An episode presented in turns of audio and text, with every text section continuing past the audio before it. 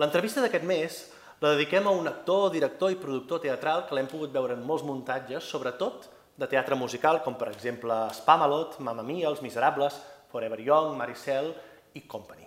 M'estic referint a en Rubén Juste, que li agraïm molt que ens hagi acceptat el repte de fer aquest viatge en el temps, que són les nostres entrevistes. No, moltíssimes gràcies.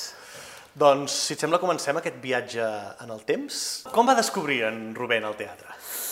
Doncs en Rubén va començar a fer teatre quan tenia 4 anys, a la seva escola, a l'escola Montserrat de Rubí, Recordo que la primera obra que vaig fer va ser una obra on hi havia un narrador que era un adult i tots els nens de, del, del col·le, i jo feia de rei sol, i era de, de, de teatre gestual, de, de mímica. I llavors aquí vaig, mm, vaig trobar allò al gustet, al teatre, i vaig començar a participar en diferents muntatges que, feia, que es feien a l'escola. Hi havia un, un taller que es feia anual i vaig començar amb una, professor, amb una professora d'allà i era una cosa que, que, que m'apassionava i m'encantava i, i cada any doncs, fèiem una obra, una obra de teatre. I quan tenia 12 anys, eh, el director ens va citar un altre company i a mi al seu despatx i ens va explicar que el grup de teatre eh, amateur més important que hi havia a Rubí, que és el, el grup del Casal Popular, feia una audició per l'Estel de Nazaret. I és un grup que, que bueno, no només fa les obres de Nadal, sinó els pastorets i l'Estel de Nazaret, sinó que durant l'any també fa una obra de text normal, no? que no era musical. I, I allà que vaig anar jo, a la meva primera audició, amb 12 anys, al Casal, al Casal Popular, i res, em fer una prova, un monòleg, un, una cançó, i vaig entrar al, al grup amb 12 anys, interpretant a, en Nathaniel, a l'Estel de Nazaret, i així va començar una miqueta, una miqueta tot. I per tant, aquesta seria la descoberta del teatre, i si recordes la de la música, com va ser? Doncs la de la música, jo recordo que sempre de petit, o sigui, jo sempre he cantat, però eh, que cantava a la dutxa, cantava amb ma germana, al cotxe, amb els meus pares, i sempre se'm donava molt bé i, i tothom em deia, oh, tu fas classes de cant o alguna cosa, i jo no havia fet res. Jo, jo crec que és l'única disciplina que vaig començar a estudiar o a preparar-me més tard, així com a diferència de les, altres, de les altres dues, de la interpretació i del ball, que sí que vaig començar molt més, molt més petit, el cant va ser el que més vaig trigar però sí que és veritat que bueno, doncs, tenia unes condicions bones, perquè recordo la primera classe que vaig fer de, de tècnica amb el Fulgenci, a la Coco Comín, em va dir, tu portes molts anys estudiant tècnica vocal, no? I va ser com de, no, o sigui, jo canto des de que, des de que era petit, però, però no havia estudiat mai. Tenim el teatre, la música i la dansa? I la dansa, mira, jo vaig començar amb 4 anys a ballar jota aragonesa, perquè el meu pare és de, del Terol i, i el meu tiet a la, a, tenia la seu del Centre Aragonès de Rubí, que era un, un centre molt potent llavors de, de folklore aragonès, mm -hmm. i jo vaig començar a ballar jotes allà amb els 4 anys i vaig estar fins als 16 anys. Teníem un grup superpotent que anàvem a festivals nacionals i internacionals i vam guanyar molts premis, i allà vaig començar a ballar jota i a cantar jota també. I després, als 16 anys, vaig començar eh, a fer claquer, a fer jazz una miqueta abans, potser tindria 12 anys o així, i, i amb 16 anys vaig començar també a competir en balls de saló i vaig estar a la, a la màxima categoria nacional en balls llatins. Balls llatins. Sí. I clar, això arriba un punt que no sé si es converteix en un hobby que, que vas eh, fent classes extraescolars eh, aquí a la Coco, per exemple, però arriba un punt que també d'aquestes classes passa a dir potser m'hi puc dedicar això? Això potser és una feina? Doncs mira, va ser molt graciós perquè quan va arribar el moment d'acabar l'escola i anar a l'institut, els meus pares eh, van, van parlar amb mi i em van dir escolta, tu no vols anar a l'institut del teatre? I jo els hi vaig dir, no, jo vull fer una carrera normal. I llavors vaig fer eh, primer de Sociologia i després em vaig passar a Polítiques, perquè era el que més m'agradava, i em vaig llicenciar en Polítiques i vaig fer el doctorat en Ciències Polítiques. I paral·lelament em vaig seguir formant eh, doncs, en interpretació, en cant i en, i en ball. I va ser molt curiós perquè fixa't que va ser l'any 94 o 95, eh, vaig anar a un concurs de, de televisió de ball que presentava la Belinda Washington. Era un magazín que es deia De Domingo a Domingo, que, era, que tenia bueno, un, un share super, super gran a Telecinco, i ella feien un concurs de ball. I la meva parella de, de ball, la Marta i jo, vam dir, hòstia, per, per què no ens presentem? Ens vam presentar i vam començar a passar rondes, rondes, rondes i vam arribar a la final i vam guanyar el concurs. Recordo que vam guanyar un, un milió de pessetes i un, un creuer pel Mediterrani. Això 94, sí, 94. I és molt curiós perquè cada dia al programa hi havia com quatre persones al jurat i eren dos famosos i dos professionals relacionats amb el món de, de l'art, del ball, de, del cant, De etc. De, sí. I resulta que una de les vegades que vam anar a competir, no era la final, jo crec que era la semifinal, si no m'equivoco, estava la Coco Comín, de jurat. I, I va ser tot molt curiós, allò, les casualitats de la vida, no? Quan vam tornar al viatge de, de, de tornada a l'avió, hi havia overbooking i a la meva parella i a mi ens van separar. I a mi em va tocar seure al costat de la Coco. I, evidentment, al concurs la Coco va votar per nosaltres i vam passar el viatge de tornada junts a l'avió. I ella dient-me, escolta, que, que jo veig que tens molt bones condicions, per què no vens a la meva escola, perquè a la meva escola es, es fa teatre musical, no sé què, tal, tal, tal. I jo recordo que li vaig dir, sí, és que a mi m'agrada molt, però jo estic estudiant ciències polítiques. Dic, i bueno, ara estic com en una altra cosa, no sé què. Bueno, quan tu vulguis que sàpigues que les portes de la meva escola estan obertes. I imagina't, jo vaig acabar la carrera, vaig, acabar, vaig fer el doctorat, i quan vaig acabar el doctorat, vaig començar a treballar en una consultora en temes de comerç, perquè jo al doctorat em, vas, em vaig especialitzar en, en temes de comerç. I, i bueno, doncs el típic, vaig tenir un moment de crisi eh, personal i vaig dir, o sigui, haig de dedicar-me a el que a mi m'agrada fer, que, que, que és interpretar, és el ball, és el cant, tot això. I llavors vaig agafar i dic, uf, em vaig recordar i dic, Coco Comín? vaig trucar per telèfon, bueno, vaig parlar amb la consultora i els hi vaig dir que deixava la consultora. Els de la consultora van al·lucinar i els meus jefes es van perquè, portar... perquè potser si ara s'ho mira gent jove, en aquelles èpoques hi havia, entre cometes, aquelles feines que eren per tota la vida. Exacte, pràcticament, o sigui, jo a la consultora tenia, havia arribat a ser cap d'àrea, el- eh, vaig arribar a ser el cap d'àrea més jove de l'empresa. Tenia un sou, guanyava molts diners. I quan vaig parlar amb la meva mare, la meva mare em va dir, estàs segur d'això? I jo, mama, sí, sí, sí. No, ja em van recolzar, sempre m'han recolzat. I llavors vaig parlar amb l'empresa, l'empresa es va portar molt bé, em van dir, mira, si vols, nosaltres volem que continuïs treballant amb nosaltres, si vols treballar com a freelance, si vols fer mitja jornada, i jo vaig pensar, mira, millor treballar com a freelance perquè em dona més marge, i llavors vaig començar així. I vaig dir, i m'apuntaré a fer classes de coses que m'interessin. Vaig començar a informar-me i vaig recordar, ah, Coco Comín, Coco Comín. I vaig trucar per telèfon i la, la secretària em va dir que s'havien tancat eh, els terminis ja, que s'havien fet proves d'accés, ta, ta, ta.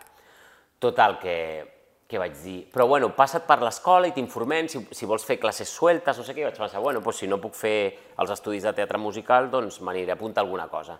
Total, que vaig venir a l'escola i m'estava informant a la secretaria i de sobte apareix la Coco. Clar, la Coco jo l'havia vist una vegada a la meva vida. I es queda així em diu, home, Rubén de Rubí, què fas per aquí? Clar, feia molts anys això, jo vaig al·lucinar que se'n recordés de mi. I li dic, doncs mira, dic, te'n recordes aquella conversa que vam tenir a l'avió? Dic, doncs aquí estic. Dic, home, has trigat uns quants anys, no? I va ser com de, doncs mira, és que volia apuntar-me, dic, les proves d'accés ja, ja s'han fet, però, però passa i vine, parlem i a veure què podem fer. Llavors em, em va passar al seu despatx, vam estar parlant molt. Clar, jo, jo no tenia o, mm, cap titulació, però m'havia format des de feia molts anys en interpretació. En... Cant és l'única cosa que no havia fet, però en ball havia fet molta cosa, interpretació també, i llavors em va dir, bueno, deixa'm veure com ho podem fer, et podem posar, el, el, que la, la trajectòria eren 3 anys, però jo moltes coses ja vaig entrar directament a, a tercer, en algunes em van fer una petita prova per veure, per veure si, si encaixava dintre del grup, amb la qual cosa doncs, vaig, a, vaig començar els estudis i en molt poc temps vaig acabar, vaig acabar de cursar el, la carrera, per dir-ho d'alguna manera, de teatre musical i vaig començar a treballar de seguida. I ara, en perspectiva, com recordes l'època d'estar aquí? Perquè no ho hem dit, que som a, a la Coco Comín, a, a les aules, eh, estudiant tot això. Era... Doncs mira, ara entrava i clar, fa 20 anys que, que, que jo vaig venir aquí, o sigui, molts anys, perquè encara que no ho sembli, tinc una edat. Però, ostres, doncs ho recordo mm, amb molt de carinyo, va ser una època molt especial i molt dur, perquè eh, aquí fèiem moltes hores de treball físic, moltes hores de, de dansa, i, i recordo que era molt dur, o sigui, tots els principis de, de, de trimestre pf, eren unes agulletes horribles, començàvem sempre en base tècnica, després ballet, bueno, contemporani, claquer, espanyol, eh, fèiem de tot, i després ja interpretació, cant i tot això. Però recordo, e, era molt, molt canyero, o sigui, a nivell físic era molt, molt, molt, molt, molt dur. I combinaves la Coco amb les obres del grup de Rubí? combinava tot. combinava amb les obres del grup de Rubí, després ja vaig entrar en altres eh, grups una mica més semiprofessionals, on continuava fent bàsicament obres de text, no, no musical, i, i combinava també amb la consultora, perquè m'havia fet freelance i anava fent m'anaven passant projectes, o sigui que tenia un, un dia molt complet. Recordo que moltes vegades havia de venir aquí a fer classe uh, vestit allò amb la corbata perquè venia directament de reunions i de coses i recordo el, el, el Roberto G. Alonso, que el sí. tenia a Història de la dansa i sempre em deia el senyor del traje. sí, era una, una època molt, molt curiosa. I clar, després ja hem començat a trobar espectacles, el, per exemple, familiars, no? el, el Teatre Regina. Sí, això és el primer que vaig fer, allò professional, per dir d'alguna manera, va ser el, la comèdia dels errors i l'Oliver Twist, amb, amb una producció de, de la Coco, i fèiem els matinals al Regina. De, Durillo també, eh? Que, que, que és, un, és tot una escola, no? També fer el teatre escola, familiar o les gires aquestes. I molt, és com molt diferent, no? És com acostumar-te a un altre tipus d'horari, no? T'has sí. d'anar a dormir d'hora i aixecar-te molt d'hora per poder escalfar i poder fer la funció en condicions perquè les hores era, es feien molt d'hora, recordo. I, bueno, és, és com canviar el xip, no? Sí. La, després és, és, és com diferent, no? Tot, tot, tot és més tard, t'aixeques més tard, no sé què però no, va ser una, una època també molt, molt especial i sobretot la companyia, perquè la companyia era doncs, amb, amb, amb amics i companys que havíem estudiat amb mi i era molt, i era molt maco. I això era el 2005-2006, sí. i el 2006 trobem ja un muntatge que no es va veure a Catalunya, que era el Valencià. Valencià, amb dues doncs, is. Sí, doncs mira, jo, jo, estava, jo estava a la Comèdia dels Errors i van sortir les audicions i vaig anar a València a audicionar i em van agafar i va ser així com el primer gran projecte que vaig fer i la veritat és que va ser molt, molt interessant perquè hi havia un cast meravellós, o sigui, hi havia gent com la, eh, com el Marc Parejo, el, el, Sergi Albert, el Sergi Albert, la Ruth Calvo, que ara es dedica, és una de les tops de l'òpera, a nivell mundial, bueno, hi havia gent molt, molt, molt, molt potent.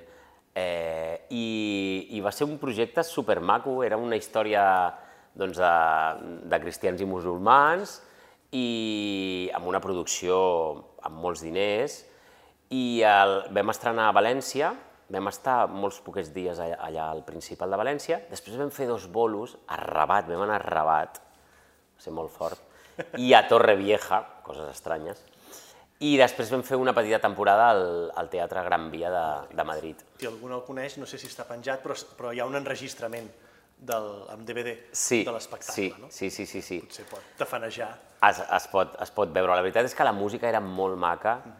i, no sé, jo crec que el muntatge era, era especial. I mira, de fet, en aquell muntatge, que va ser el meu primer muntatge, vaig conèixer a dos companys amb els quals després he treballat moltíssim i que estan actualment avui, uh, avui en dia amb mi a Company, que són la Mariola i el, i el Carlos, el Carlos Seguí.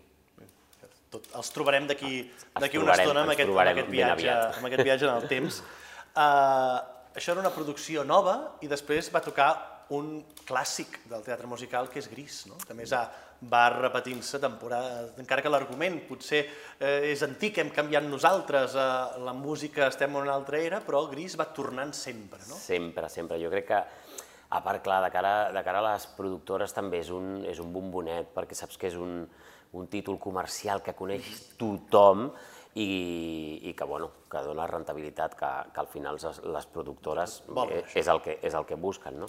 Doncs jo estava fent Valencià, van sortir audicions, recordo, de Gris, vam agafar uns quants, un cotxe, vam venir cap aquí, recordo l'Ivan Santos, la Tessa, eh, no recordo qui més, el Carlos mm, Solano, i vam venir tots cap aquí a fer, a fer audició. I vam passar totes les, les proves, jo recordo que vaig arribar a la final, pel personatge de, Kenny, de Kenicky. I llavors em van fer la trucada de em sap molt de greu, t'has quedat a les portes, entra, estàvem entre una altra persona i tu, i al final hem agafat a l'altra persona, va ser com, bueno, doncs pues ja està, no? I als dos mesos o així d'estrenar-se l'espectacle, un dels alternants, o cover, swing, o digue-li com vulguis, va marxar i llavors em van trucar per fer com una petita prova privada on ens van veure dos o tres persones. No? I llavors la vaig tornar a fer i aquí sí que vaig tenir ja la sort d'entrar. I vaig entrar d'alternant de, de Sony, Roger i Dudi, aquí, aquí a, a Barcelona. Després va tenir mm, llarga vida perquè jo ho vaig deixar, quan va començar la gira, jo ho vaig deixar perquè vaig marxar a un altre espectacle i després em vaig reenganxar als anys, perquè clar, va durar tant, Sí, sí. va durar tant que em vaig reenganxar al final de la gira per fer de, de Roger, titular de Roger, i després, quan van tornar a fer temporada a Madrid, també després de Spamalot em vaig reenganxar a fer de titular de, de Vince Fontaine, Mhm. perquè estava de baixa i els últims mesos el, vaig fer jo. Sí, és a dir, que va ocupar un, uh, saltejadament uns quants anys de la Saltejadament, teva uns vida. quants anys de la meva vida, sí. Eh? I ara has dit que havies deixat per un altre, era un altre clàssic del jukebox, no? que és Mamma Mia. I que aquí has insinuat ja aquesta feina dura i potser encara no gaire coneguda dels covers alternants, swings, diguem-li com, com vulguem, però que, que, que, que en aquests muntatges, diguem-ne, tenen tela marinera, no? Sí, tenen tela marinera perquè, perquè bueno, doncs són molts personatges, s'han de cobrir molts, molts llocs, eh, Posicions diferents, posicions diferents quan, hi ha, quan algú es posa malalt... Bueno, hi ha, hi ha diferents figures, no? en, en aquest cas, a, a Mamma Mia, jo com a titular feia d'elenco i després tenia el cover de, de Javi, el personatge de Javi, que l'interpretava el, el Xavi Mestres, i jo era, jo era el seu cover. Llavors, clar, sempre és un Tetris, no? Pues si el Xavi Mestres no fa funció i entra el cover a cobrir, un swing ha d'entrar a fer el track que jo feia, no? I, ostres, és una feina, és una feina artísticament superinteressant, perquè, perquè clar, a, a nivell de coco, a nivell de cos, eh, és treballar diferents personatges, també depèn del muntatge, no? No és el mateix fer, fer Mamma Mia que, que potser artísticament, doncs, dintre d'un elenco, els personatges són més semblants, no? o fer un Spamalot, que sí que són personatges molt diferents i artísticament es requereix un, un esforç diferent. No? Però, però jo crec que és una, un aprenentatge brutal i una, experien una experiència artística superinteressant. També és veritat que té les seves coses negatives, per dir-ho d'alguna manera, i és que bueno, quan ets uh, cover només o, o, o ets només swing, doncs no apareixes en res, perquè es fan les fotos de, dels titulars, doncs tu no hi surts. Es fa un vídeo promocional, doncs tu no hi surts. No, Eh, està la cara, com, com, com tota la vida, la cara A i la cara B de la, de la història, no? Sí, sí. I ara ja ho has dit, i arribem a un altre espectacle, que és un musical dirigit pel tricicle, aquella gent que ha parlat poc sobre l'escenari, eh, va dirigir un musical cantant, parlant i ballant, que era l'Espamalot. L'Spamalot. L'Spamalot, jo crec que, bueno, recordo, per mi és un dels millors espectacles que he fet, un dels espectacles amb el, amb el que millor m'ho passava. I, i va, aquí sí que va ser una experiència molt, molt, molt interessant perquè jo feia de... Era com una mica la figura de swing, a Barcelona era una bogeria, perquè era swing d'elenco, és a dir, swing de, de, del cos de ball, per dir-ho d'alguna manera, perquè principalment l'elenco a, a Spamalot ballava moltíssim, i a part era alternant de dos, de dos dels personatges, de, de, de Galahad, amb tots els altres personatges que feia, i de Bedevere, amb tots els altres personatges que feia.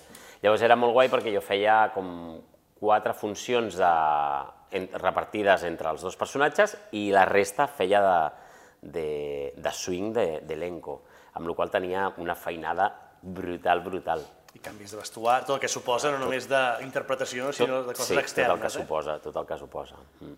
I com, des de fora, la- l'Espamalot era una, o semblava una bogeria eh, organitzada, no? Des de dintre també ho era, era o, o, era, o a vegades era un patiment, no?, Aquest, aquests espectacles que dius, uh, uah, és, és... Era, era una bogeria organitzada i ens ho passàvem molt bé. I recordo, o sigui, o sigui, atacs de riure amb el Jordi Bosch, amb, amb, el, amb el Fernando Gil, amb el Josep Maria Jimeno, o sigui, hi havia moments realment que, és que, o sigui, la bogeria era tal que moltes vegades o sigui, érem conscients des de l'escenari de, de la bogeria que estàvem fent i ens entrava el riure i la veritat és que era, era meravellós. Era un d'aquells espectacles que el fas i, i s'acabava la funció i durava dues hores i pico i deies, ja està, ja, ja hem acabat, no? O sigui, era, era brutal.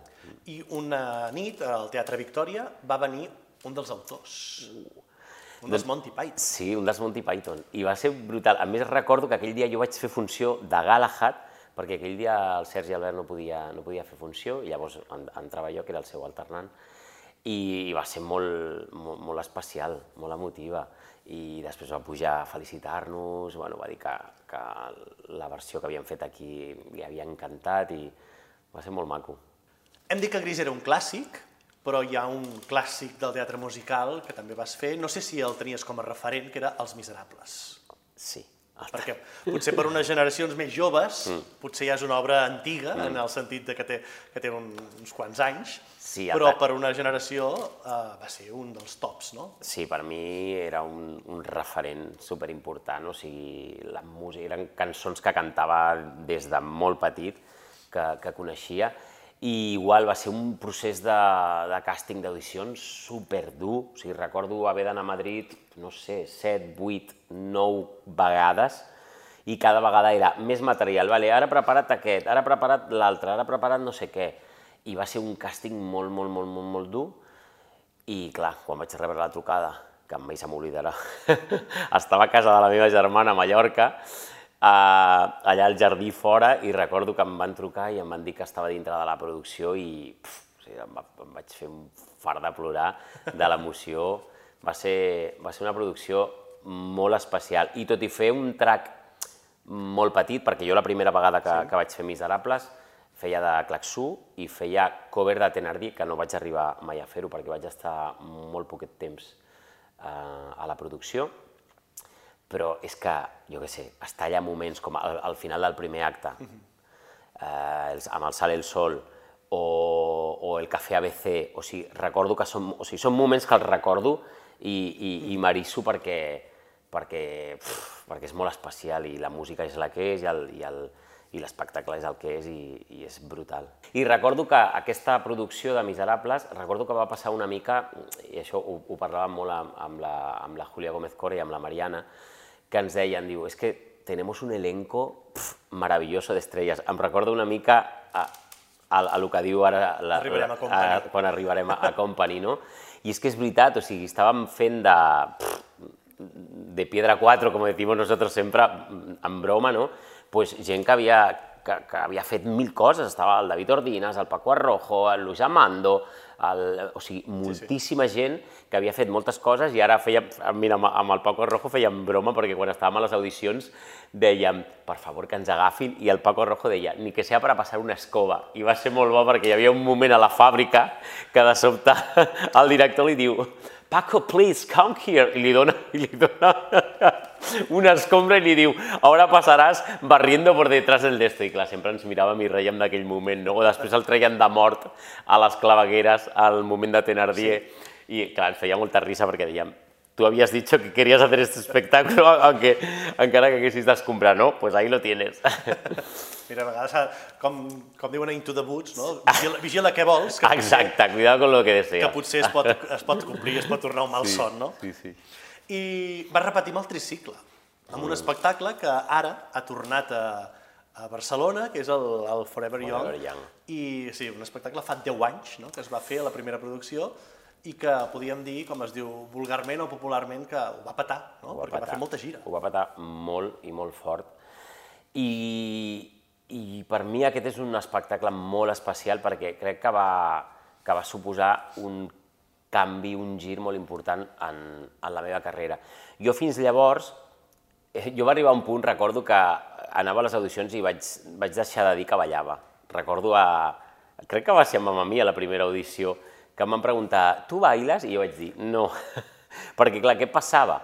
Que, com ho fèiem tot, doncs sempre acabàvem agafant-nos doncs, lo, lo, pues, com a Spamalot, no? Pues vale, swing de tots els bailarines, alternante de los personajes, no sé què, i llavors vaig, va arribar un punt que estava com una mica fart de, de trobar-me en això i no poder accedir doncs, a, a personatges més, més protagonistes o secundaris o, o el que fos, no? Sí, sí, I- o, o un personatge amb un, amb un, amb un rerefons Exacte. teatral I, més, i, més important. I, i em, feia molta, em feia molta ràbia això. I va arribar un punt de, de la meva carrera que vaig començar a deixar de dir que, que jo ballava. I a partir d'aquí em va començar a anar millor. I va donar el cas de... de vaig fer l'audició, jo estava fent Miserables i va sortir la- l'audició de Forever Young. Llavors ja vaig parlar amb Tricicle i el Paco em dir, ostres, doncs hi ha un personatge que, que t'encaixaria molt, el del hippie, eh, no sé què i tal, diu, vine, que, que et vegi el director musical, diu, perquè clar, actualment nosaltres ja et coneixem, però que et vegi el director musical, a veure tal, no sé què. Vaig fer l'audició, va anar superbé, i llavors em van agafar, i clar, per, per mi va ser com el primer paper protagonista, per dir-ho d'alguna manera, no? en el que no era ni alternant, ni era cover, ni era res. I recordo l'estrena a Madrid, que va ser una estrena molt especial, perquè a part les estrenes a Madrid són una altra cosa, no és com aquí a Barcelona, no? Allà és... Sí, sí. L'estrena és... Bombo i plateret. Bo, exacte. I recordo després de l'estrena, el Paco eh, es va acostar, va venir al camerino i, i bueno, ja coneixem el Paco, que és com molt seriós, molt... I es va acostar, em va fer una abraçada i, i em va dir eh, estic molt content, diu, perquè per primera vegada estàs on has d'estar. I, I això em va emocionar molt i, i ostres, crec que va ser un punt d'inflexió en, en la meva carrera i, i bueno, so, sobretot, ja no del fet de que m'agafessin o no, o, o em donessin papers més protagonistes o no, sinó jo mateix d'intentar valorar o, o prioritzar les coses que, que em venien de gust fer, no? I com és treballar amb el tricicle? Perquè, una- clar, és, és un cervell de meravella. tres caps, o és un monstre de tres caps, no sé com dir-ho. És una meravella. Mira, a Spamalot eh, el procés va ser molt diferent. Jo també era alternant i tot i que estava allà sempre present i, i, i era molt curiós perquè això no sol passar, però al, als assajos sí que ens deixaven entrar i nosaltres anàvem assajant escenes i, i això no, és, no sol ser lo habitual. Eh, però clar, també és una companyia molt més gran, eh, era, va ser un procés molt diferent. Clar, Forever Young érem cinc actors i era cinc actors, ells tres per nosaltres, no? I va ser, va ser una meravella. O sigui, nosaltres sempre, amb els companys ho dèiem, o sigui, va ser una masterclass diària de, de comèdia, de, de, de tempos, de, de gags. El, el, el nivell del cos, del sigui, tempo... Per, o sigui, per mi, o sigui, la meva escola de, de la comèdia va ser Forever Young i, i els hi dec molt perquè després o sigui, la, vaig descobrir que la comèdia era una, una cosa que, que m'apassionava i que m'encantava i després he, he pogut seguir creixent i, i fent moltes coses i, i els hi dec molt a ells perquè, perquè vaig aprendre moltíssim, moltíssim. Sí, sí. I per una altra banda, molt complicat, perquè clar, és el que tu dius, són tres caps, i a vegades era molt graciós, perquè clar, llavors el Paco et deia, sí, esto no sé què, i llavors et venia el, el Joan i, o el Carles i et deia, no, però això per què fas això, no sé què, no, és que m'ho ha dit el Paco. No, no. Bueno, però bueno, ells ja tenien la seva, la seva conversa i al final decidien i, vale, doncs vinga, fem això. Vull dir que al final sempre es posaven d'acord, però a vegades teníem aquells moments de... Com a mínim, si són tres opinions i totes estan contrastades, saps que la que arriba és la bona, no? Això sí, això o la sí. consensuada, la, no? cons la consensuada. I el 2013 vas fer Evil Dead, que això no es va poder veure a Catalunya. No, per tant, pena. com ens ho explicaries? Doncs mira, Evil Dead, eh, em va trucar el director, eh, Xemari Bello, i em va dir que em volia fer una, una audició perquè eh, s'ho estaven partint el protagonista, el Pablo Puyol i el David Ordines. Ho havien, fet, ho havien estrenat això als als cines Kinépoli, a Madrid, ¿vale? i ara se n'anaven a la sala petita de, del Teatre Nuevo Alcalá, de Madrid. I bueno, jo vaig estar mirant una miqueta, em vaig estar documentant i tal, i, i em va semblar com superdivertit perquè era una comèdia boja, portada a l'estereotipo de, de bueno, la típica història d'uns adolescents no, que se'n van a una casa perduda allà al mig de, de, del no-res i els hi comencen a passar coses no, i, i comencen a convertir-se en, en zombis. Bueno, està, està inspirada en, en la pel·lícula Evil Dead, eh, que es va fer una versió, ara no fa, mm, fa poquets anys, però la original crec que era dels anys 80 o així, no? I res, vaig anar, vaig fer l'audició i, i em van agafar i ho vam estrenar allà al, al Nou Alcalà i va ser una bogeria meravellosa, o sigui, meravellosa. Era, era una producció petita amb una escenografia preciosa, i, i, i no sé, era un espectacle que funcionava molt. Hi havia molta interacció amb el públic, la, a la sala petita del Nou Alcalà el públic està també molt a prop, hi havia, mm, com es deia? Zona de... Ai, ara no me'n recordo. Zona de salpicadures, em penso que es deia o alguna així, que eren com les primeres files, perquè clar, hi havia molta sang, a les funcions, llavors les primeres files es venien llegir, la gent es posava su xubasquero i venien allà preparats perquè els hi, els hi pogués caure de tot. I, i ostres, va ser, va, ser, va ser molt divertit. Una comèdia boja amb personatges super estereotipats, molt, va ser molt maco, va ser molt maco. I tornar a coincidir també doncs, amb, amb molts companys eh, amb els que ja havia treballat i va ser una experiència molt, molt divertida. I ens vam quedar amb les ganes perquè hi havia com un, una previsió de poder venir a, aquí a Madrid, però al final no, no va sortir i l'escenografia es, va, es va guardar i, i allà està guardada. A veure si fem alguna cosa i, i ho portem a, a Barcelona. A veure. I esti, aquesta dèiem que era una producció petita mm. i després va venir uh, un transatlàntic.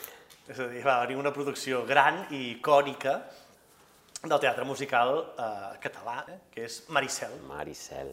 Doncs sí, mira, primer, després de Bildet, vaig tornar a Miserables, però va tornar, tornava una producció, la, la producció del 25è aniversari, i tornava a fer temporada i tornava a fer gira eh, per tota Espanya. Es van tornar a fer audicions, o sigui, vaig haver d'audicionar un altre cop, set vegades, si no m'equivoco, i, i llavors em van tornar a agafar i el David Ordines en, en, aquest, en aquest projecte no, no hi era i em van agafar a mi de, de bisbe, que és el que feia ell a la producció anterior. I estant fent la producció, jo crec que vaig estar com un any i pico així, i llavors ens van cridar per fer audició a, a Maricel. I vam anar a audicionar, recordo la Júlia Jové, el Víctor, el Víctor Arbelo i jo, i ens van agafar el, els tres. Jo havia de fer un altre projecte amb la Maria Damuz i em va, em va trucar el Periel per fer l'audició de, de Maricel i li vaig dir, mira, és que tinc una altra cosa, no, és que eh, et volem veure, no sé què i tal. I llavors vaig parlar amb la Maria i li vaig dir, mira, m'han trucat per fer això i tal, i ja vam compactar de, o si m'agafaven per fer de prota del Said, que ho faria, però que si no, doncs li donàvem prioritat al projecte que teníem i tal, tal, tal. I així vaig quedar. Llavors vaig anar a fer l'audició com molt tranquil, vaig fer l'audició per Said, tal, tal, tal. I, i recordo la trucada el dia el Miquel Periel em va trucar i em diu mira Rubén, que t'haig de donar dues notícies, una bona i una dolenta. I jo dic, bueno, i em diu, la dolenta és que hem agafat una altra persona de Saïd, que va ser el Roger Ruezo, que va ser on, on ens vam conèixer, i, i jo va ser, ostres, bueno, i, i jo com ja ho tenia tan coll avall, va ser com de, ok, bueno, doncs no, no passa res. Diu, però la bona és que volem que facis de, de Malek, no? de l'antagonista, no sé què, no sé quant, tot, tot, tot. I llavors, jo ho tenia tan assumit que i vaig dir, ai, doncs no, em sap molt de greu, però no, no ho faré. Com? El, el, el Periel estava al·lucinant. Com que no ho faràs? I jo, no, no, mira, és que jo, vaig, jo audicionava per, per, per, per Saïd, però com ja tenia, tinc una altra cosa, i si no, no, no. Bueno, però si no t'he no explicat ni les condicions, ni t'he explicat res. I jo, no, no, no, la veritat és que no, no, no m'expliquis no res perquè, perquè és que no, no m'interessa. I, el, I el Miquel, però bueno, deixa'm almenys que... I llavors la, la conversa va ser, bueno, truca a la meva repre si vols i, i, i parla amb ella i, i tal. I bueno, la va trucar, vam parlar i, i coses de la vida que aquella mateixa setmana teníem una altra reunió per l'altre projecte, al final no, no sabíem ben bé si sortiria o si no, llavors les condicions que m'oferien eren com molt bones i va ser com de, bueno, pues, o sigui, ho, haig de cap fer, ho haig de fer sí o sí, i cap al barco que, que vam anar. A rebre fuetades cada nit, no? A rebre fuetades. Una altra experiència, jo crec que després de Miserables, crec, recordo, o sigui, no, no recordava un altre final de primer acte a, a, sí, sí. tan emotiu, no?, amb l'himne dels pirates, com, com va ser en Maricel, o sigui, va ser molt especial. Sí, jo sempre dic que aquell final d'acte és un dels finals d'actes, no del teatre musical eh, català, sinó del teatre. Del teatre, català. del teatre. Sí, ja et dic, jo crec que hi ha dos finals de, de primer acte, i un és Miserables i l'altre és Maricel, que us recordo cada dia fent funció, allò de Arissamenta forta, forta. I què tal és aguantar-se allà sobre el barco?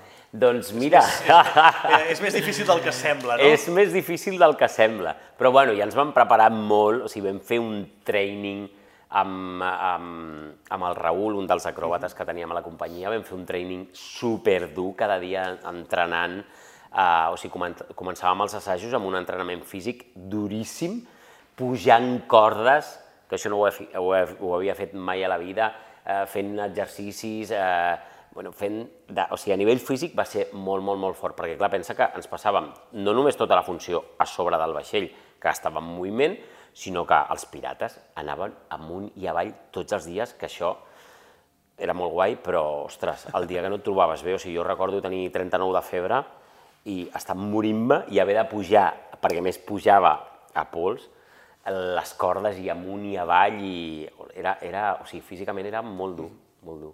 Sí, sí, que a vegades el Maricel sembla és que no ballen, dius, no no, no, no, ballen. ballen, però hi ha una, un altre tipus de coreografia. No ballen, eh? però o sigui, a, nivell, a nivell de manteniment físic Sí, sí. Era, era molt exigent, sobretot els pirates, perquè bueno, els cristians doncs, era un altre. També estaven dintre del barco, però no havien de, de pujar i baixar com nosaltres. Sí, sí. I el Maricel era una gran producció i després va sortir una producció mínima, que eren dos actors i un pianista, amb precisament un company del, del, del Maricel, que era el Marc Vilavella, no? Sí. Que era Els homes foscos, Homes homes, foscos. foscos. Doncs mira, vam estar treballant perquè el David Pintor estava ajudant també a, a la direcció, a Dagoll de Gom, i arrel d'allà un dia ens va agafar i ens va parlar d'un projecte que tenia, que havia pensat en nosaltres, amb música de, de la Clara Pella, i bueno, vam escoltar la música, vam llegir el text i a mi em va encantar. I, i vam dir, sí, sí, sí, de cabeza. I ho vam estrenar al Maldà, després vam fer uns quants bolos, i, ostres, va ser, va ser un procés molt interessant. Amb el David li tinc molt de carinyo i, i crec que és un dels directors que, que també va saber tocar el punt, el punt necessari i vaig aprendre moltíssim amb ell, moltíssim. I també li estic molt, molt, molt agraït perquè va ser un, un, un procés i crec que també un punt d'inflexió important en, en la meva carrera artística. I dèiem que era un musical de petit format, dos actors no? i un pianista. Encara s'associa a nivell general, creus, el teatre musical a la frivolitat i al gran format? O sigui, hem de trencar més llances a favor de, de que poden, es poden fer moltes més coses? Sí, jo crec, jo crec que s'associa per, per, per una cosa de, de nivell de producció. Què vull dir amb això? El que dèiem abans quan parlàvem de gris, no? Doncs, bueno, doncs si tens una productora, evidentment el que busques és una rentabilitat econòmica, perquè al final no ens hem d'oblidar que són empreses que busquen doncs, obtenir benefici com qualsevol altra empresa que hi, que hi hagi. No? Llavors, això a on ens porta? Doncs això ens porta a que es prioritzin segons quin tipus de títols, no? que ja saps que, que funcionaran, doncs com pot ser un gris. No? Per desgràcia, això, com sempre, té la cara bona i la cara dolenta. I la cara dolenta és que al final acostumem al públic a, a un tipus de format o un tipus de- d'espectacle que, es- que jo en cap cas dic que estigui sí. malament, perquè jo n'he fet moltíssims i possiblement continuaré fent moltíssims. I ha de ser. I ha de ser, i, i ha de tenir el seu públic, però per una altra banda és una pena perquè no li mostrem al públic no, que hi ha moltes altres coses. I això, per exemple, no, doncs no passa a Broadway, perquè hi ha molta més cultura, hi ha molta més inversió, hi ha molt més risc. Com hi ha molta més eh, inversió, hi ha molta més possibilitat de que hi hagi doncs, gent que aposta per coses que funcionin o no, però el que busquen és l'excel·lència o un producte bo, o un producte de qualitat, no? que la gent vagi a veure-ho i digui és un producte de, de qualitat, més enllà de si és un títol comercial o no. I per desgràcia a nosaltres això ens, ens manca, no? Eh, trobem doncs això que sí que és veritat que aquests últims anys es, es comencen a, a moure altres cosetes i hi ha com més sensibilitat per trobar, per trobar doncs, mm, fins i tot musicals propis, no? com està passant ara amb la, amb la Barney, no? o, o amb, altres, amb altres produccions o productores, però, però costa una mica, costa acostumar al públic a veure altres coses. És, al final és com un peix que es menja la cua, no? sí, sí. Com que, com que no hi ha diners per poder apostar per aquestes coses, la gent no va veure aquestes coses, llavors al final i és un cercle viciós que és molt manera s'ha de difícil. trencar. s'ha de trencar, sí. I no ho hem dit, però del Maricel et va portar un premi i els Homes Foscos un altre.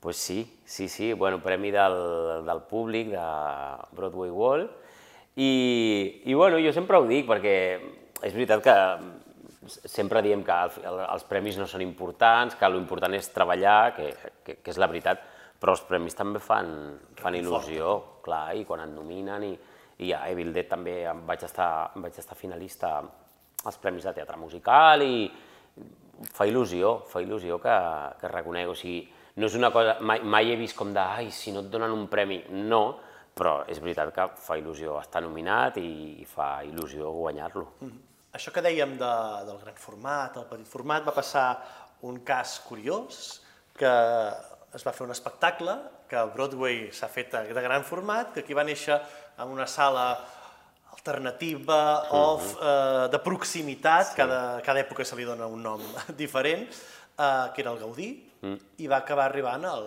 al Tívoli i al Coliseum, que era Sugar, passant per l'Eixample també, és a dir que sí. Uh, això potser és el que hauria de ser, no? aquell procés que ens falta potser encara aquí a Barcelona. Això potser és el que hauria de ser, però fixa-t'hi que continua sent encara tot, tot molt difícil, molt complicat. Què passa? Una producció eh, amb, por, amb pocs recursos comença, eh, s'estrena, funciona perquè és una meravella i comença a créixer i comença a passar a altres, a altres teatres més grans. Però al final la productora continua sent la mateixa. I què passa? Que com no hi ha productores grans que apostin en aquest sentit, què vol dir? Eh, doncs, si ve una productora gran i veu Sugar, com fa el de Gelo Loco, i al·lucina, però no s'hi vol ficar, per què? Perquè al final no és un espectacle seu, sinó és un espectacle que ha fet una altra persona, un altre equip, i que, i que ha funcionat, vale? però prefereixen invertir en projectes seus o, o comprar altres títols, que ells siguin els creadors, que no pas apostar per, per projectes així. O sigui que al final sí que és veritat que és un projecte que creix, però és molt difícil que tingui continuïtat, perquè al final el que necessites és diners, sí, és creix inversió. Creix a nivell d'aforament. Exacte.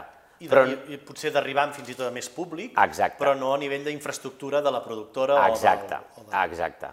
Llavors, continua, continua hi havent una gran dificultat, no? perquè el Sugar també hi havia possibilitats d'anar a Madrid, però clar, anar a Madrid suposa doncs, desplaçament, suposa gent que ha de viure allà, o sigui, dietes, suposa que el pressupost encara s'infla molt més, no? Llavors és com, com molt, molt complicat i al final és, és aquesta cosa agradolça no? d'aquest tipus de projectes que per mi va, va ser també un dels, jo crec que és un dels millors espectacles que, que he fet o, o que recordo sortir a, a, a fer funció al principi amb el Xavi Duc i dèiem que afortunats que som de poder sortir a l'escenari cada dia i, i, fer, i fer això i d'una cosa, com tu dius, que va començar... Jo no hi era al, al, al, al, al, al Gaudí, sí, perquè jo estava fent Maricel, sí que m'havien ofert fer, fer un personatge, però, però no podia, i llavors es va estrenar allà, i mira, després vaig tenir la sort que a l'Eixample sí que em vaig poder incorporar i ja vaig continuar al Tivoli i al, i al Coliseum. Mm -hmm. I que aquest any que ve es fa una nova versió a Broadway, de Sugar com fa el de Gelo Loco. A veure. Potser, una, potser és una excusa perquè torni amb una producció nova. No? A veure. A veure, queda dit. Ahí queda. Queda dit. També hem parlat molt, i ens centrem molt, que és el que ens ocupa la web, el teatre musical, però també has fet teatre de text. No? Mm -hmm. Jo no li dic normal perquè crec que el teatre és teatre. teatre. I llavors són disciplines, text, mm. eh, dansa, musical, el que sigui. Però encara hi han com unes barreres eh, eh, perquè no ets un actor, ets un actor de musical. I això, amb l'entrevista que vam fer amb el Toni Vinyals, sí. deia que ell era de la primera promoció de l'Institut del Teatre, de Teatre Musical, i deia, diu, tu ets de musical o d'interpretació? És fort, això, eh? Que és, vista en perspectiva, crec que és molt fort, no? És una, eh, un menysteniment força important, no? Sí, jo crec que, que això existeix, per desgràcia, molt al, al, al nostre país. És una mica aquesta sensació d'això, de que bueno, tu ets de teatre musical, no? I, i el que tu dius, i jo sóc d'interpretació, és com que jo sóc molt millor actor que tu, perquè tu has fet dansa i has fet cant i has fet altres coses. I això no és així, i això a altres països no és així. I, i ara estan al, al Company, que ara arribarem, i l'Antonio sempre a les seves entrevistes ho deia, diu, és que possiblement tota aquesta gent que està aquí fent teatre musical a, a altres països estaria en l'Star System, perquè a altres països són estrelles. O sigui, són gent que no només pot posar-se davant d'una càmera a interpretar, sinó que pot fer moltes altres coses i dominar moltes altres disciplines. I això és així. I és per això que jo, en els últims anys, no sé si conscient o inconscientment, mm, m'he anat una mica desvinculant del teatre musical i he volgut fer altres coses i he volgut fer teatre de text i, i m'he apropat una miqueta més a, a altres coses. Mm, no sé si per donar-me a conèixer una mica també en altres cercles, perquè és veritat, hi ha uns cercles super tancats d'això, no? És de, una cosa és el musical i una altra cosa és el teatre de text. De sobte comences a fer coses i és de, però i aquest d'on surt, no? I és com, bueno, és que ja porto molts anys, molts anys fent coses, no? I fixa't, és molt curiós, però recordo a, a, a la pel·lícula del fotògraf de Madhausen, que vaig tenir la sort d'interpretar un dels amics de, del protagonista, del Mario Casas, jo feia de, de, feia d'un ballarí, o sigui, estava basada en una història real, i feia de, de Rosales, un ballarí mmm, madrileny, que estava al camp de concentració, i llavors jo tenia un numeret, feien com un teatrillo allà, i jo tenia com un número que feia com un monòleg i cantava una, una sevillana de Miguel de Molina i ballava un zapateao. No? I recordo que just aquesta, aquesta sessió, perquè ja sabem que a les pel·lícules tot va una mica per programació, per planning, per producció, etc. i aquesta seqüència va ser una de les darreres que vam filmar, amb la qual jo vaig estar gravant, tenia moltes, 15 dies o així, i de les darreres va ser aquesta sessió de, de tal. Llavors, bueno, doncs ja et fas amb els companys, amb l'equip, tot, i quan va arribar aquesta darrera, que jo cantava una sevillana, que allò era una xurrada, o sigui, era la xurrada més gran del món, per mi, o sigui, la meva sensació, eh? O, o i ballava un, un, un zapateao, que era una cosa xorra, per dir-ho d'alguna manera. I no, no se m'oblidarà mai la sensació del de, primer dia, de, o sigui, el dia de, de rodatge d'això, posar-me a cantar la sevillana i tal, eh, corten! I llavors, i, i tots els companys de, uah, uah, els tècnics, uah, però quina passada, però com, però com cantes i com balles, o sigui, o sigui, estaven com al·lucinats, no? I a, a mi em feia gràcia perquè, perquè deia, o sigui, possiblement si això hagués sigut al revés o m'haguéssiu vingut a veure uh, fent una obra de teatre musical, la sensació al sortir hagués sigut, sí, ah, no, molt bé, molt bé, però és teatre musical, no? I aquí com era una altra cosa i, i va venir tot com al revés, no? Primer vam sí. gravar tot i, i tal, i, ostres, això em va, em va fer molta ràbia, saps? Perquè dic, és que per què no es valora en el nostre país eh, això, no? Sí, sí, a més, hi ha espectacles que ara, per exemple, estava pensant en el pròxim que vindrà, que era el del 2019, el Mordisquito, mm. no? que la hibridació de les disciplines dilueix totalment no? aquesta frontera de, de, que possiblement ens agrada menys a nosaltres i agrada molt més a producció, mm. per a l'hora d'etiquetar quin producte estàs fent, no? Mm. Uh, que és uh, què és musical, què no ho és, què és text, és que avui en dia s'estan barrejant molt. I, i fixa't que el teatre de text cada vegada està anant també molt a buscar això, perquè cada vegada s'està sí, sí. fusionant més i es fan obres. Ara mateix podem veure coses, obres on, on, on els actors canten sí, sí, sí. i no precisament bé, eh, obres on els actors ballen i no precisament bé, és a dir, és com que es busca això perquè també és una cosa que, que atrau molt al públic i, i la música, o sigui... La, sí, la... tenim un debat de que no tenim públic pràcticament a Barcelona. Exacte. Doncs eh, és, és, és com molt curiós, no? Perquè és com que eh, es busca des d'aquesta de, banda de, més del teatre de text, es busca apropar-se a aquestes coses, però per una altra banda s'aparta, no? Sí, trenquem llances a favor de que, que, que si volen venir al nostre món i que és el del teatre, ja sense el teatre musical, seran benvinguts. No estem deixant d'interpretar, o sigui, interpretant amb el cos, interpretant amb la veu, interpretant. Arribem a, al Teatre Apolo ja, a, a Barcelona, que és... Bueno, primer arribem a Màlaga, no? Primer és arribem com, a Màlaga. No? Aquesta producció de Dreamcast, no? A Màlaga. Com, com recordes a, anar a fer el càsting a Màlaga? Doncs mira, es va fer un workshop primer amb, amb, amb uns quants companys i després es va fer com una audició. Però jo a aquesta audició no vaig anar perquè bueno, estava en un altre moment de... vital i no, i no hi vaig anar. I resulta que aquelles coses de la vida que es va tancar el cast, i jo ja tenia molts amics que estaven dintre, però hi havia un parell de, de personatges que no, que no tenien. I llavors aquí va ser quan Marc Montserrat, eh, amb, eh, bueno, vaig parlar amb ell, em va dir, mira, és que estem veient a, a gent, fent un càsting tancat, no sé què, i vaig anar a fer l'audició. I bueno, l'audició va, ser, va ser una meravella. O sigui, va ser una hora i mitja d'audició, allà amb l'Antonio, microfonat, explicant tot el projecte, parlant del personatge, treballant l'escena diverses vegades, cantant-les, em vaig cantar una cançó lliure i després el, la cançó del Pol, que és la que, la que demanaven, i va ser, va ser al·lucinant. O sigui, també t'haig de dir que crec que és l'audició que, que més nervis he tingut a la meva vida perquè clar, és que al final no deixa de ser, o sigui, és, vale, vaig a fer una audició amb Antonio Banderas, no? em vaig prendre una tila abans d'entrar i, i, ostres, vaig passar molts nervis abans, perquè jo sóc d'aquells que un cop ja estic allà dintre, però abans vaig passar molts, molts, molts, molts nervis, però va ser molt, molt especial.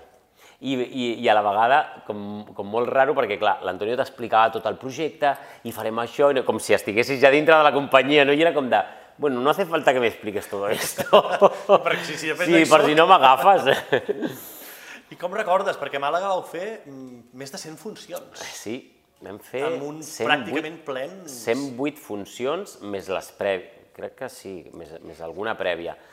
I amb el teatre ple, més de 70.000 espectadors, doncs ha sigut una... És un fenomen. Una, bueno, un fenomen, una fantasia, una bogeria. O sigui, jo mai hagués dit que, estaria a Màlaga tants mesos treballant fent un, una obra de, de, de teatre musical, no?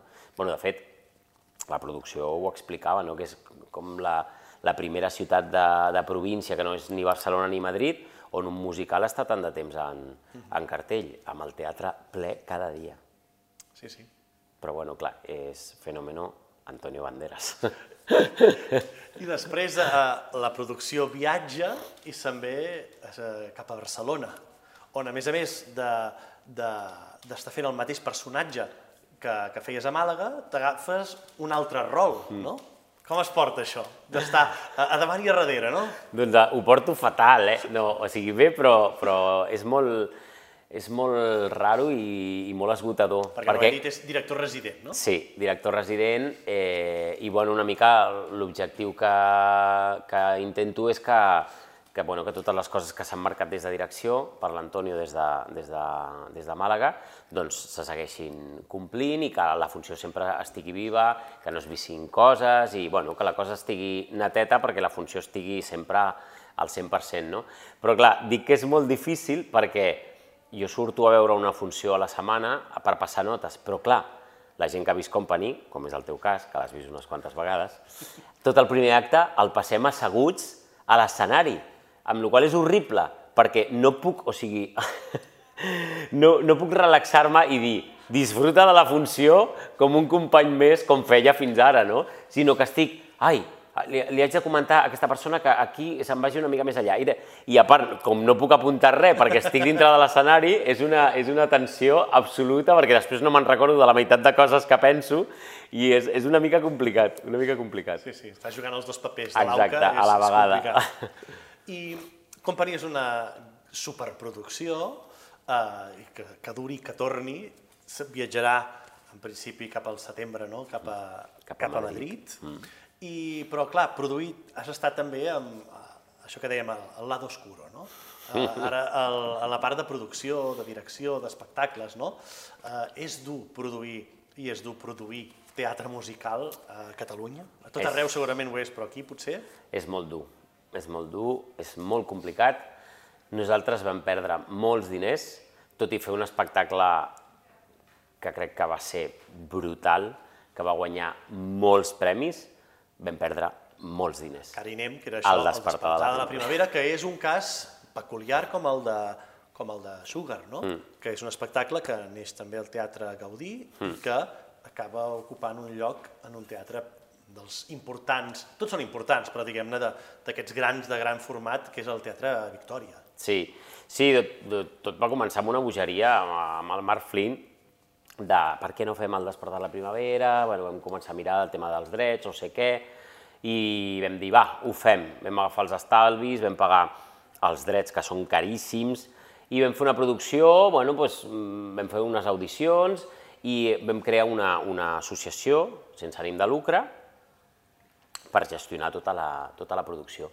Llavors, bueno, la gent des del primer dia a gaudir, doncs sabíem que doncs, anàvem a taquilla, es repartia tot entre tot l'equip, i aquestes eren les condicions des del principi, i la gent les va acceptar, i així vam fer aquesta primera temporada, que va anar molt bé, sobretot doncs, això, a nivell de crítica, a nivell de públic i tot. I arrel d'això doncs, surt l'oportunitat d'anar al Teatre Victòria, que va ser com de, uau, oh, mare meva, eh, és molt fort, no? Sí, sí, sí.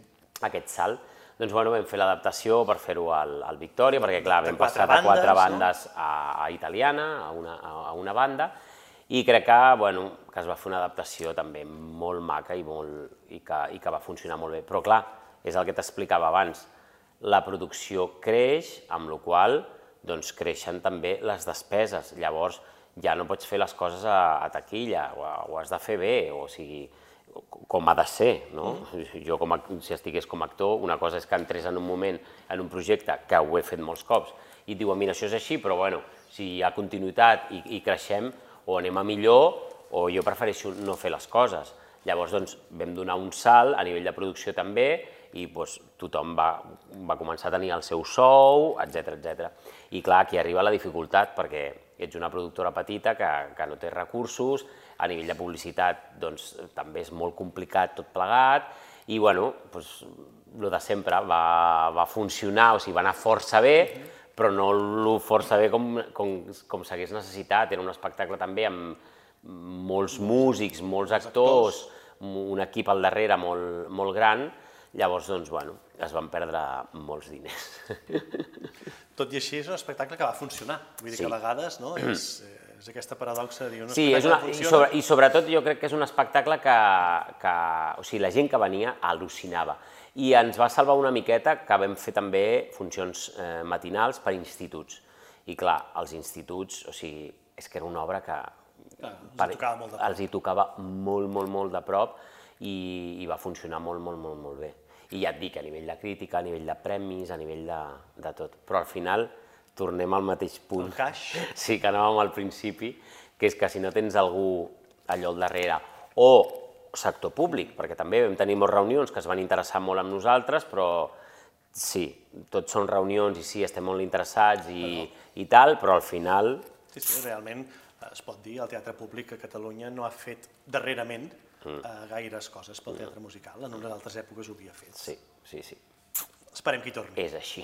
No? Una producció també que va fer petita era el de Last Five Years al Maldà, no? Sí. que per molt que, que sigui petita en dos actors, eh, no vol dir que, que no sigui complicada, no? perquè tot ha de sortir, els sí. drets, etc etc traduir textos moltes Sí, però vegades. clar, però ja no és el mateix. No és el per això mateix. vam dir, després d'aquesta bogeria, si produïm una altra cosa, ha de ser amb poca gent i que no, que no, no, no tingui el volum de, de despesa que té una producció com, com el Despertar de la Primavera. Exacte. Mm.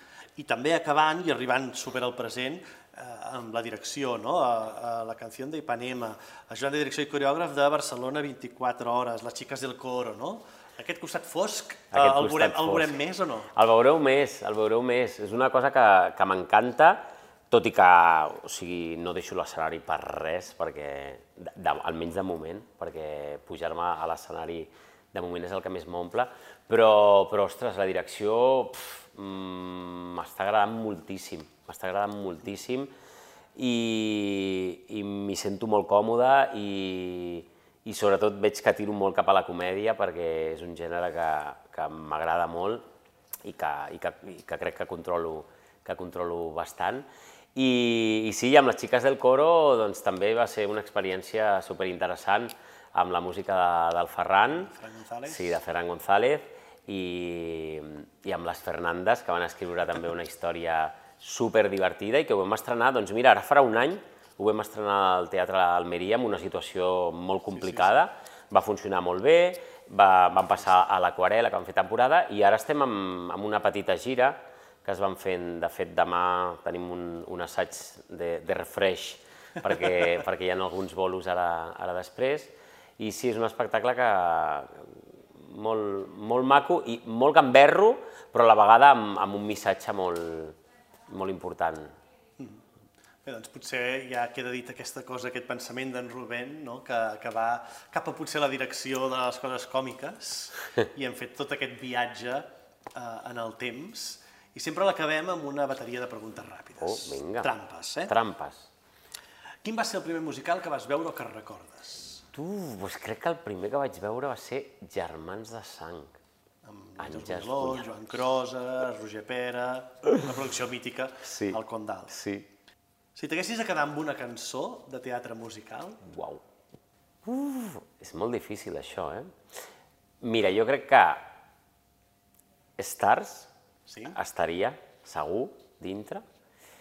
I després, una cançó que no és gens coneguda, però no sé per què, al moment de la meva vida, mm, o que- el, el que va significar per mi, que és l'opening de el musical Something, Something's Rotten, Sí? que es diu Welcome to Renaissance. Bienvenidos a... Un, una, de, un musical de gran comèdia, Sí, també. va, que em va, em va al·lucinar aquell musical. És una cançó que mm, puc escoltar 40 vegades i no em canso mai. Molt bé, tenim dues ja, molt bé. Si t'haguessis de quedar amb un autor, Amb un autor. A veure, t'haig de dir que jo sóc molt fan dels autors antics. Cole Porter, eh, el Rogers, que al, que al final són la, la majoria d'estàndards que coneixem Sí, sí, sí. avui en dia són, de són, són de- no? L'Irving Berlin, Berlin... sí. Després, més contemporani, possiblement et diria Sondheim i, i una cosa molt diferent però que també m'encanta, Alan Menken. Jo sempre crec que l'Alan Menken és un compositor poc valorat, pel tipus que ha fet molta animació Sí. i tot això, i potser, però, però té unes grans melodies. Meravelloses. Un record que t'hagi donat al teatre que no es pugui esborrar? Mira, un record, un record molt maco, que no se m'oblidarà mai, i és a Miserables, eh, al Cafè ABC. Sí. Eh, clar, pensa que nosaltres tenim, la, a, les, a les produccions grans, tu tens el vestuari, tens, o sigui, són coses que venen ja d'altres produccions. I nosaltres, nosaltres teníem moltes coses d'utilleria de la producció australiana, crec que era. I jo al Cafè ABC estava a la taula i tenia de atrezzo unes llibretes i amb uns bolis i anàvem escrivint i a vegades doncs, li donàvem al, al company o ens escrivíem coses i fèiem uns actings amb les llibretes. I no se m'oblidarà mai aquell dia que estava fent funció, jo crec que era com la sisena o setena funció eh, que fèiem. I jo estava allà amb l'escena fent el meu acting i vaig passant fulls, vaig passant fulls i de sobte obro i veig una cosa escrita i dic, què és això? I començo a llegir i en anglès hi havia un missatge que posava eh, Hola, compañeros eh, de la producción de Miserables España. Somos la producción Miserables Australia. Mira, mira, es que tú dic. Eh, eh. Somos la producción eh, australiana de Miserables. Os enviamos un, un beso enorme, que, os, que vaya bien, no sé què, tal, tal, tal. Ens van deixar un missatge. I clar, això ho vaig descobrir a l'escena i va ser superespecial perquè eh, primer em vaig quedar al·lucinat, no? I llavors, dintre de l'acting de l'escena, doncs, anaven venint els companys a la taula i anaven fent actings i jo els hi anava fent. Eh, I els anava portant i anaven llegint i tots era com de por, els ulls així, i va ser superespecial, superespecial. És un bon record, no? Sí. És la part allò, per exemple, a vegades de les franquícies, que es Sí, exacte. Això pot ser una part bona. Una part tenen, bona, sí, Això sí, de- sí. d'anar agafant les coses d'això. I la última. Què és, eh, per tu, allò que només té el teatre musical? És molt difícil de, de dir He això, eh? he avisat.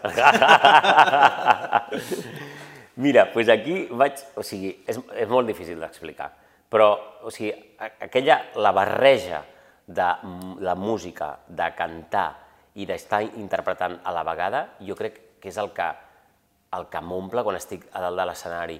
I, I és el que en els últims anys he intentat evitar per, per tot això que hem parlat durant, durant tota l'entrevista, però, ostres, quan, quan vaig a Broadway, per exemple, que a, a Nova York he anat molts cops i perquè m'encanta anar a veure musicals, o a Londres, i m'asseca una butaca i veig un musical ben fet, i estic allà com a públic, eh, llavors és quan més conscient sóc, eh? no quan estic dintre, sinó quan estic fora. I m'asseca allà a la butaca i veig una meravella d'espectacle, on la gent canta, balla, interpreta i t'emociona, llavors miro allò i dic, és que per això jo vull fer teatre musical, o sigui, per això jo pujo dalt de l'escenari i sento, i, i sento el que sento i, i em sento com em sento. Doncs que és un recurrent d'aquestes entrevistes que això que et passa a tu quan estàs a l'escenari o quan estàs a baix al públic, no? li passi a tota aquesta gent que va veure teatre musical i fins i tot els que encara no, No coneix. no hi que no s'ho deixin perdre. Que així sigui. Doncs moltes gràcies per haver fet aquest eh, viatge en el temps. Gràcies a vosaltres per aquest recorregut i per haver-me portat aquest espai que gràcies feia com Coco, que ens ha 20 obert les anys portes, que no també. trepitjava. Doncs moltes gràcies. A vosaltres, sempre. I amb vosaltres ens veiem d'aquí un mes a la propera entrevista.